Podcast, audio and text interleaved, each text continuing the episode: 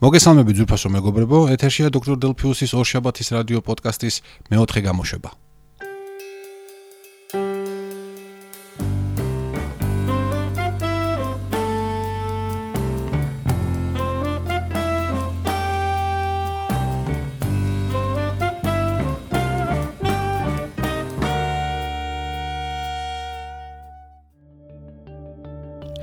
მაშ ასე დადგა 24 მარტი აა საღამოა და რაც თავარია ორშაბათია. ანუ მაქსიმალურად შევეცადე რომ დღევანდელი დღე არ გადამეცილებინა და კვლავ არ ჩამეგდო. აა და ჩამეწერა პოდკასტი თუნდაც მცირე ხნიანი შედარებით ნაკლებ თემებიანი, მაგრამ აუცილებლად რომ ორშაბათი დღე არ გამოგვეტოვებინა.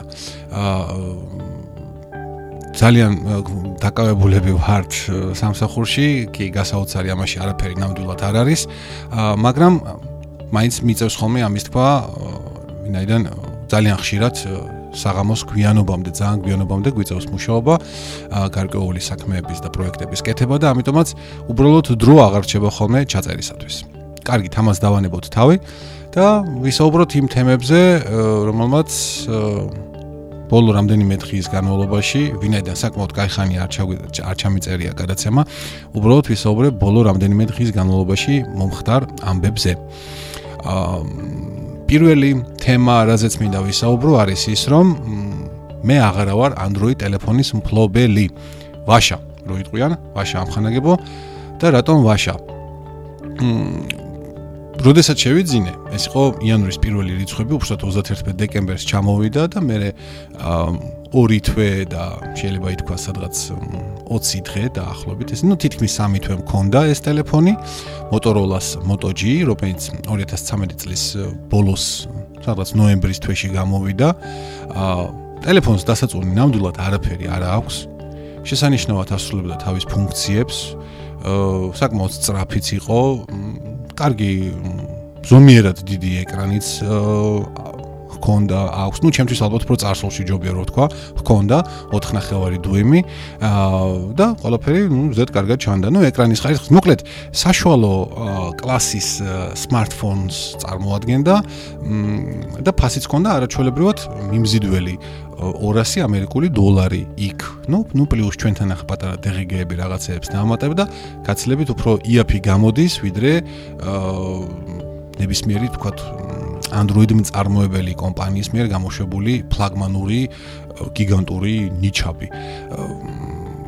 იცით თქვენ ჩემი დამოკიდებულება აი ამ ნიჩბებისადმი, ანუ ტელეფონებისადმი, რომელთა ეკრანის ზომა 5 დუიმზე უფრო დიდი ან 5-ის ფარგლებშია, მე ვთვლი რომ ეს არის ძალიან დიდი და არ არის საჭირო უბრალოდ აი ამ ხელა ეკრანის ტელეფონის გამოშვება და აი გულის ფანსკალით სიმართლე გითხრათ ველოდები წლევანდელ შემოდგომას, როდესაც Apple-მა უნდა წარმოადგინოს თავისი iPhone 6. ვინაიდან არსებობს ჭორი, რა თქმა უნდა, ჯერჯერობით არაფრით გამყარებული, რომ შესაძლოა Apple-მა Apple-ი ასე თქვა დანებდეს იმ სოფლიო სიგიჟეს და იმ ტრენდს და იმ ტენდენციას, რასაც ქვია, რაც შეიძლება უფრო დიდი ეკრანების smartphone-ებზე. და თქვა გამოუშვას 4 დიუმზე უფრო დიდი smartphone-ი. თუმცა საუბარია რომ შეიძლება ეს უფრო მეტი, უფრო 4 დიუმზე უფრო მეტი იყოს 4 ნახევრიდან 4.7-მდე. აი, ჩემი Motorola Moto G-ც 4 ნახევარი დიუმი იყო და ფიქრობ რომ სრულიად სრულიად საკმარისია. თუმცა მაინც ვრჩები იმ აზრზე რომ აა 4 დიუმი რაც ახლა არის თქვა 5S-ში საკმარისი იქნება და იქნებ მაინც არ გაადიდოს ეკრანი Apple-მა და დატოვოს იმ მცირე ზომაზე, მაგრამ აა ალბათობა ალბათ მაინც დიდია რომ გაიზრდება. მე დაუბრუნდი ჩემს iPhone 4-ზე. საბოლოო ჯამში ალბათ ბიძგი იმისა რომ მე ეს ყველაფერი გამეკეთებინა და თქვათ გამეყიდა ან საერთოდ მომოშორებინა Android-ი, გახდა ერთი რამე. დაახლოებით ერთი 10 დღის წინ, ზუსტად აღარ მახსოვს, Apple-მა გამოუშვა დიდი ხნის ნანატრი განახლება, სისტემის განახლება 7.1 iOS-ს გულისხმობ. აა არავინ არ მოელოდა რეალურად, ანუ თქვათ მოლოდინები იყო იმის შესახებ, რომ თქვათ 7.1 უნდა გასწორებული იყო ყველა ის შეცდომა, რაც თქვათ მე7 ვერსია, iOS-ის მე7 ვერსიას გააჩნდა, ხარვეზები და ასე შემდეგ და ასე შემდეგ. ესენი რა თქმა უნდა გასწორდა, თუმცა რაღაც გარკვეული სახის ახლები წარმოიშვა და თქვათ ჩემი მეგობრები, ვისაც iPhone 5S-ი აქვს, ცოტათი უკმაყოფილონი არიან. მაგრამ სამაგიეროდ მე ვარ უზომოდ კმაყოფილი იმით, რომ ჩემი iPhone 4, რომელიც მე თავის დროზე iOS 7-ზე გადავიყვანე და რამაც გამოიწვია ტელეფონის კატასტროფული უვარგისობა დაეცა ასე ვთქვათ ინტერფეისის ასე ვთქვათ გამოხმაურების სისტრაფე მომხმარებლის ბრძანებებზე, ну, ანუ პრაქტიკულად შეუძლებელი იყო ტელეფონის სარგებლობა, ვინაიდან თქვათ იქ ფანჯრები იხსნებოდა საკმაოდ დიდ ხანს, იხურებოდა, თქვათ ღილაკებზე დაჭერის შემდეგ, ну, ესეთი საკმაოდ იმას ვიძახი, რომ თქვათ მიჩვეულ ჩვენ მიჩვეულები ვიყავით, თქვათ iOS 6-ისგან ყისიერ გამოხმაურებას მომხმარებლის ამ თუ იმ ბრძანებაზე, რაც დავკარგეთ iOS 7-ში. მაგრამ ეს საუბარი iPhone 4-ზე, ეს ერთ-ერთი ყველაზე ძველი მოდელია smartphone-ისა, რომელიც თქვათ მხარს უჭერს მე7 iOS. ასე რომ მინდა გითხრათ 7.1 ვერსიაში პრაქტიკულად iPhone 4 გაცოცხლდა და თითქმის მთლიანად დაებრუნა მთელი ის სისხარტე და ის ასე ვთქვათ წარმოდობა, რაც მას გააჩნდა უფრო ძველ ვერსიებზე. განახლები სისტემური საოპერაციო სისტემის ძველ ვერსიებზე 6-ზე და ასე შემდეგ.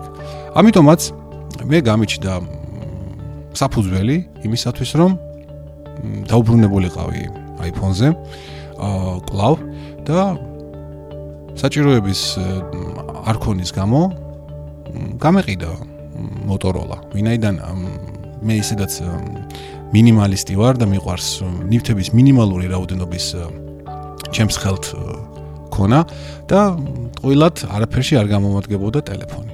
გავაკეთე ერთ-ერთ ყველაზე ცნობილ ქართულ საიტზე, განცხადებების საიტზე განცხადება, რომელიც იხილა მრავალმა ათასმა ადამიანმა, თუმცა მაინც ჩემო მეგობარმა შეიძინა ჩემგან ეს ტელეფონი მირიანმა. მივესალმები მას თუ მისმენს აა და პრივატულ საუბრებში აღნიშნა რომ არც თუ ისე ცუდი ტელეფონიაო რამაც მე ძალიან გამახარა რა თქმა უნდა ეხლა კაი გასაგებია ზოგმა მავანი მსმენელი იტყვის კაი გასაგებია შენ iPhone-ი გაგიცოცხლდა iPhone 4 და ამიტომაც დაბრუნდი მაგრამ თუ იყო კიდე რაიმე მიზეზი იმისა რომ თქვა Android-ზე უარი მეთქვა.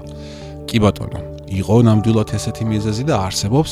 ანუ მე საბოლოო ჯამში ეს 2.5 3 თვე სრულიად მეყო იმისათვის, რომ გამეაზრებინა თუ რა არის ზოგადად Android-ი, რამდენად მე გამომადგება ის შემდგომში და რამდენად დავაპირებ კლავ რაიმე მოწყობილობის შეძენას Android საოპერაციო სისტემით. ამ ეტაპზე ჩემი პასუხი არის არა, მე აღარ დავაპირებ და აღარ შევიძენ არც არანაირ მოწყობილობას Android-ის საოპერაციო სისტემით ძალიან მარტივი მიზეზის გამო. აა ის ამოვარდნილი იქნება იმ ეკოსისტემიდან, რომელიც მე გამაჩნია. მე კიდე გამაჩნია Apple-ის კომპიუტერი, Apple-ის ორი ტაბლეტი, ერთი პირადი და მეორე სამსახურის. მართალია სამსახურში მაქვს Windows კომპიუტერი, დესკტოპი, მაგრამ არანაირად პრობლემა არ მექმნება, თქვათ, iCloud-თან წვდომაში, ვინაიდან ბრაუზერი შეიძლება შიგნით შესვლა და თქვათ, ნებისმიერი ნოუთების, რიმაინდერების, კალენდრების და ასე შემდეგ ნახვა. ეს ისე ყოველ შემთხვევაში და ასევე სანიშნეების, ანუ bookmark-ებს, რასაც ვეძახით, სახლში Safari-სა და სამსახურში Chrome შორის გაზიარება და სინქრონიზაციაც ასევე შესაძლებელია. Apple-ს აქვს შექმნილი სპეციალური Chrome-ის გაფართოება extension-ი ამისათვის და ყველაფერი შესანიშნავად მუშაობს. ნუ ხანახან მცირე ხარვეზი არის ხოლმე, მაგრამ ეგ არ აუშავს, ეგ არ ითვლება. მოკლედ, აა, ჩემთვის უფრო საინტერესო კი არა და უფრო მოსახერხებელია მხოლოდ და მხოლოდ ორ პლატფორმას შორის გახლეჩვა, ანუ ძირითადში Apple-ის ყველა ტიპის მოწყობილობა პლუს სამსახურში Windows-ი, ვიდრე რომ ამას დაემატოს მესამე პლატფორმას და ამას მას ქვია Android-ი. აა Android ტელეფონში მე ელემენტარულად არ შემეძლო დამენახა. უბრალოდ კი შეიძლებოდა, მაგრამ ნუ ძალიან საჩალიჩო და რაღაცა იქნებოდა გასაკეთებელი, რომ დამენახა კალენდრები, მაგრამ სამაგიეროდ ვერ დავინახავდი note-ებს, reminder-ებს და ასე შემდეგ და ასე შემდეგ, რომლებიც ვთქვათ, iCloud-ში მექნებოდა შენახული და ანუ რეალურად ტელეფონს ვერ ვიყენებდი სრული დატვირთვით. კიდევ ერთი მომენტი. აა აქტიურად ვარ, შეიძლება ასე ითქვა, შემჯდარი Twitter-ზე. ანუ გამოწერილი მაქვს ძალიან ბევრი საინტერესო, ჩემი აზრით საინტერესო ადამიანი, ორგანიზაცია, კომპანია და ყოველდღიურად და საღამოს, როცა ამის დრო მაქვს, ვკითხულობ ამ Twitter-ებს, ვეცნობი სხვადასხვა სიახლეებს, ну, ძირითადში IT სამყაროდან. ამისათვის მე iPad-ზეც და iPhone-ზეც მაქვს ძალიან კარგი კლიენტი პროგრამა Twilbot-ი, რომელსაც რომელიც აი ამ თქვათ ორ მოწყობილობას შორის, iPad-სა და iPhone შორის ახდენს წაკითხული ტვიტების სინქრონიზაციას. ანუ ერთ ადგილას შემეძლია დავიწყო სრულიად თავისუფლად კითხვა, შევწყვიტო და შემდეგ გავხსნა მეორე მოწყობილობა და ასევე განვაგრძო იმავე ადგილიდან. სამწუხაროდ ოფიციალურ კლიენტს თვითონ კომპანია Twitter-ის მიერ შექმნილ კლიენტს ეს ფუნქცია დღემდე არ გააჩნია, რაც ძალიან სამწუხაროა, ვინაიდან ჩემი აზრით თვითონ Twitter-ის მიერ შექმნილი კლიენტი უფრო ლამაზია, თუმცა ამას ვერ ვიტყვით Android ვერსიაზე და თვითონ ძალიან აქტიური Android-ისტებიც აღიარებენ, რომ Twitter-ის მიერ შექმნილი კლიენტი არის ძალიან მახინჯი და ულამაზო. და ეს კიდევ ერთ-ერთი მომენტია, ანუ აპლიკაციების დაწერის ხარისხი, როგორც ბინარულ დონეზე, ასევე ვიზუალურ დონეზე, ნამდვილად გაცლებით უფრო დაბლა დგას ვიდრე iOS მოწყობილობებისათვის. აა შეიძლება ზოგიერთი თქვენგანისათვის და არ გამოვრიცხავ რომ მრავალი თქვენგანისათვის ეს ნაკლებ ნიშნულოვანი თემა იყოს და თქვათ რომ ნუ მე რა თუ მახინჯურად გამოიყურება აპლიკაცია, თავარი იმან თავისი საქმე შეასრულოს. ვერ დაგეთანხმებით, მე პირადად ჩემთვის არასასიამოვნოა ესეთ აპლიკაციაში მუშაობა, რომელიც ესთეტიურად ულამაზოდ გამოიყურება. მე ეს გარკვეულ სახის დისკომფორტს მიქმნის და არ მსიამოვნებს და მით უმეტეს, როდესაც მაქვს შესაძლებლობა რომ არ ვიმუშაო ესეთ აპლიკაციაში, მე ნამდვილად იქ არ ვიმუშაებ. ანუ მე ამით იმის თქმა მინდა რომ როდესაც მე მაქვს შესაძლებლობა ავირჩიო Android-სა და iOS smartphone შორის, ну ადრეც ვთქვი რომ თქვათ ტაბლეტებში iOS-ი ჯერ კლავაც კონკურენტ გარეშეა ვინაიდან Android-ი კლავაც არ არის იდეალურად მორგებული ტაბლეტის ეკრანის ზომებს. ამიტომაც ვილაპარაკოთ მხოლოდ smartphone-ებზე. შესაბამისად, მე, როდესაც მაქვს არჩევანი Android-სა და iOS smartphone შორის, რა თქმა უნდა, აი ამ ყველა ჩამოთვლილი პარამეტრების გამო, უპირატესობას მივანიჭებ iOS მოწყობილობას. და ჩემთვის არა აქვს ახლა არსებითი და გადამწყვეტი მნიშვნელობა, რომ ის გაცლებით უფრო ძვირი ღირს და თქვა 200 დოლარის ნაცვლად რომელიც მე გადავიხადე Motorola Moto G-ში და რომელიც hardware-ულად არც ნამდვილად ურიგო ტელეფონი არისო და Android-ისთვის Android-ის მოყვარულისთვისაც ვისაც უბრალოდ მართლა ძალიან უყვარს ეს სისტემა, იმისთვისაც ძალიან კაი გამოსადეგარი იქნება და გირჩევთ თუ თქვენ აი Android-ის ნამდვილი ფანები ხართ, გირჩევთ ნამდვილად Motorola Moto G-ს ყიდვას და ფულიც დაგეზოგებათ ძალიან ბევრი ფული, თქვათ Samsung-ის ან სხვა რომელიმე უფრო grand კომპანიისგან წარმოებული ტელეფონის ყიდვისას, აა ყიდვის ნაცვლად გირჩევთ რომ Motorola Moto G შეიძინოთ. მაგრამ თუ თქვენ ჩემსავით უფრო იხრებით iOS-ისაკენ, მაშინ გაემზადეთ იმისათვის რომ 200 დოლარის ნაცვლად აა პლუს ადგე ჩვენი გადასახადები, გადაიხადოთ 659 დოლარი პლუს ჩვენი გადასახადები, ანუ ეს გამოდის რაღაც 800 დოლარამდე. პლუს მინუს და შეიძინოთ iPhone 5s. აა მე ჯერჯერობით თავ შევიკავებ 5s-ის შეძენისაგან, ვინაიდან ეხ მარტიც დამთავრდა რაღა დარჩა აპრილი, მაისი, ივნისი, ივლისი, აგვისტო, სადღაც 6 თვე, 5-6 თვე დარჩა. იმ დრომდე, როდესაც კომპანია Apple წარმოგვიდგენს აა iPhone 6 და არ ვიცით, ექნება მას დიდი ეკრანი, თუ კლავ ძველებური ეკრანი ექნება, თუ კლავ ორი მოდელი გამოვა, როგორც გასულ წელს, როგორც როდესაც გამოვიდა 5S და 5C. მოკლედ, რა ვარიანტები ექნება ჯერჯერობით უცნობია, თუმცა ინტერნეტში ჟონავს სხვადასხვა ფოტოები ვითომ ნამდვილად iPhone 6-ისა. ანუ ჯერჯერობით ყველაფერი უცნობია. და ამიტომაც დავალოდები iPhone 6-ის გამოსვლას. მანამდე ამ 5-6 თვის განმავლობაში ჩემი iPhone 4 ვფიქრობ რომ ძალიან კარგად მომემსახურება. მით უმეტეს რომ მირიანმა ვინც ჩემი Moto G იყიდა გამიგზავნა Amazon-ის ორი ძალიან კარგი ბმული, ერთი home ღილაკის და მეორე აკუმულატორის. თუ გავითვალისწინებთ რომ ჩემი ტელეფონი უკვე 4 წლისაა, რა თქმა უნდა აკუმულატორი შესაბამისად კარგად ლომად დამჯდარია და მუხტი ისე კარგად ვერ უჭირავს. თუმცა, უნდა აღინიშნოს, რომ აი Moto G-სგან განსხვავებით, რომელიც სულ სულ სულ ახალი და ესეთი წესით კარგად დამუხტული უნდა ყოფილიყო, აი ეს 4 წლის და ბებრუცანა ტელეფონიც კი უკეთესად იჭერს მუხტს და ანუ უფრო დიდხანს მუშაობს ერთი დატენვით. და წარმომიდგენია მაშინ რა იქნება, როდესაც მე მას შეუცვლი ამ აკუმულატორს და ჩაუყენებ ახალს. და პლუს ამისა სამწუხაროდ რაც დაუზიანდა და ეს ჩემი ბრალია ადრეს სხვა პოდკასტებშიც აღნიშნე home ღილაკი, მრგვალი ღილაკი, ყოველთვის არ რეაგირებს დაჭერაზე, რაღაცა შიგით მექანიკური დაზიანება გააჩნია. ეს ღილაკი შევიძინე, ну ალბათ სადღაც ერთ კვირაში ეს ყველაფერი თბილისში ჩამოვა და მე და მირიანი ამ ყველაფერს შევცვლით ჩემს ტელეფონში. შემდგომში, შემდეგ გამოშვებაში თუ მანამდე მოესწრო, აუცილებლად მოგიყვებით ამ პროცესის შესახებ და იმის შესახებ თუ რა მივიღეთ შედეგად, რა ხარისხი. მოკლედ, ასია თუ ისე, აა მე აღარა ვარ Android-ისტი, ნეფსით თუ უნებლიეთ გამختარი ამ სულ რაღაც 2-3 თვის წინ და მართლაც მიხარია, იმიტომ რომ გარკვეულ დისკომფორტს მიქმნიდა აი ესეთი სისტემებს შორის არევა, რომელიც მე იქ გამაჩნდა. ეხლა გვაქვს სრული იდილია, სიმშვიდე და სიწყნარე მოწყობილობებს შორის, რა იტყვია. ეს ესე. მეორე თემაზე მინდა გადავიდე.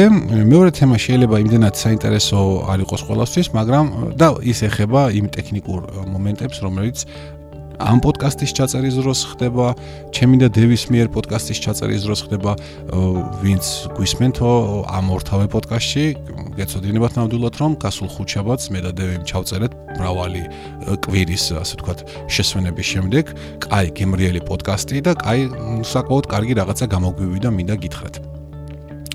აა ჩვენ შარშან ზაფხულში ჯერ კიდევ მაშინ, როდესაც მუშაობდით ორთავე Google Electronics-ში, იქვე იყო ნიკი და მირიანიც ასე თქვათ ანუ ჩვენ ეს 4 უფრო ცდილობდით ახალი გადაცემები შეგვექმნა ჩვენ ჩვენ თვითონ დამოუკიდებლად. მას შემდეგ რაც ბეტა ვერსია გაუქმდა გადაცემა და თვითონ რადიოსაც, BTFM-საც ცოტა შავი დღეები დაუდგა. გადავწყვიტეთ მაშინ შეგვეძინა გარკვეული ტიპის აპარატურა იმისათვის რომ ეს გადაცემები მაქსიმალურად მაღალი ხარისხით ჩაგვეწერა. აა შევთანხმდით მიქსერის ბერინგერის ფირმის მიქსერის შეძენაზე, რომელიც არც თუ ისე იაფი დაგვიჯდა, სადღაც ჯამურად 200 დოლარზე მეტი ღირდა. აა შევიძინეთ მართლაც, გადავიხადეთ ფული, ჩამოგვივიდა, მაგრამ შემდეგ მოხდა სხვადასხვა ფაქტი, რამაც ვერ მოგცა საშუალება რომ ერთად გაგვეგზელებინა მუშაობა.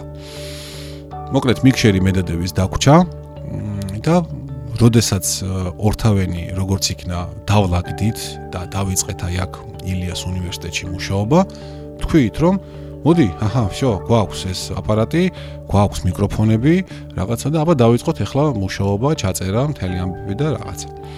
აა პირველივე მცდელობისას ამ მიქსერის გამოყენების მცდელობისას გამოირკვა რომ თურმე ეს პატრიცემული მიქსერი გვაძლევს იმიტომაც ქვია პრინციპში ეს სახელი მიქსერ შემრევი.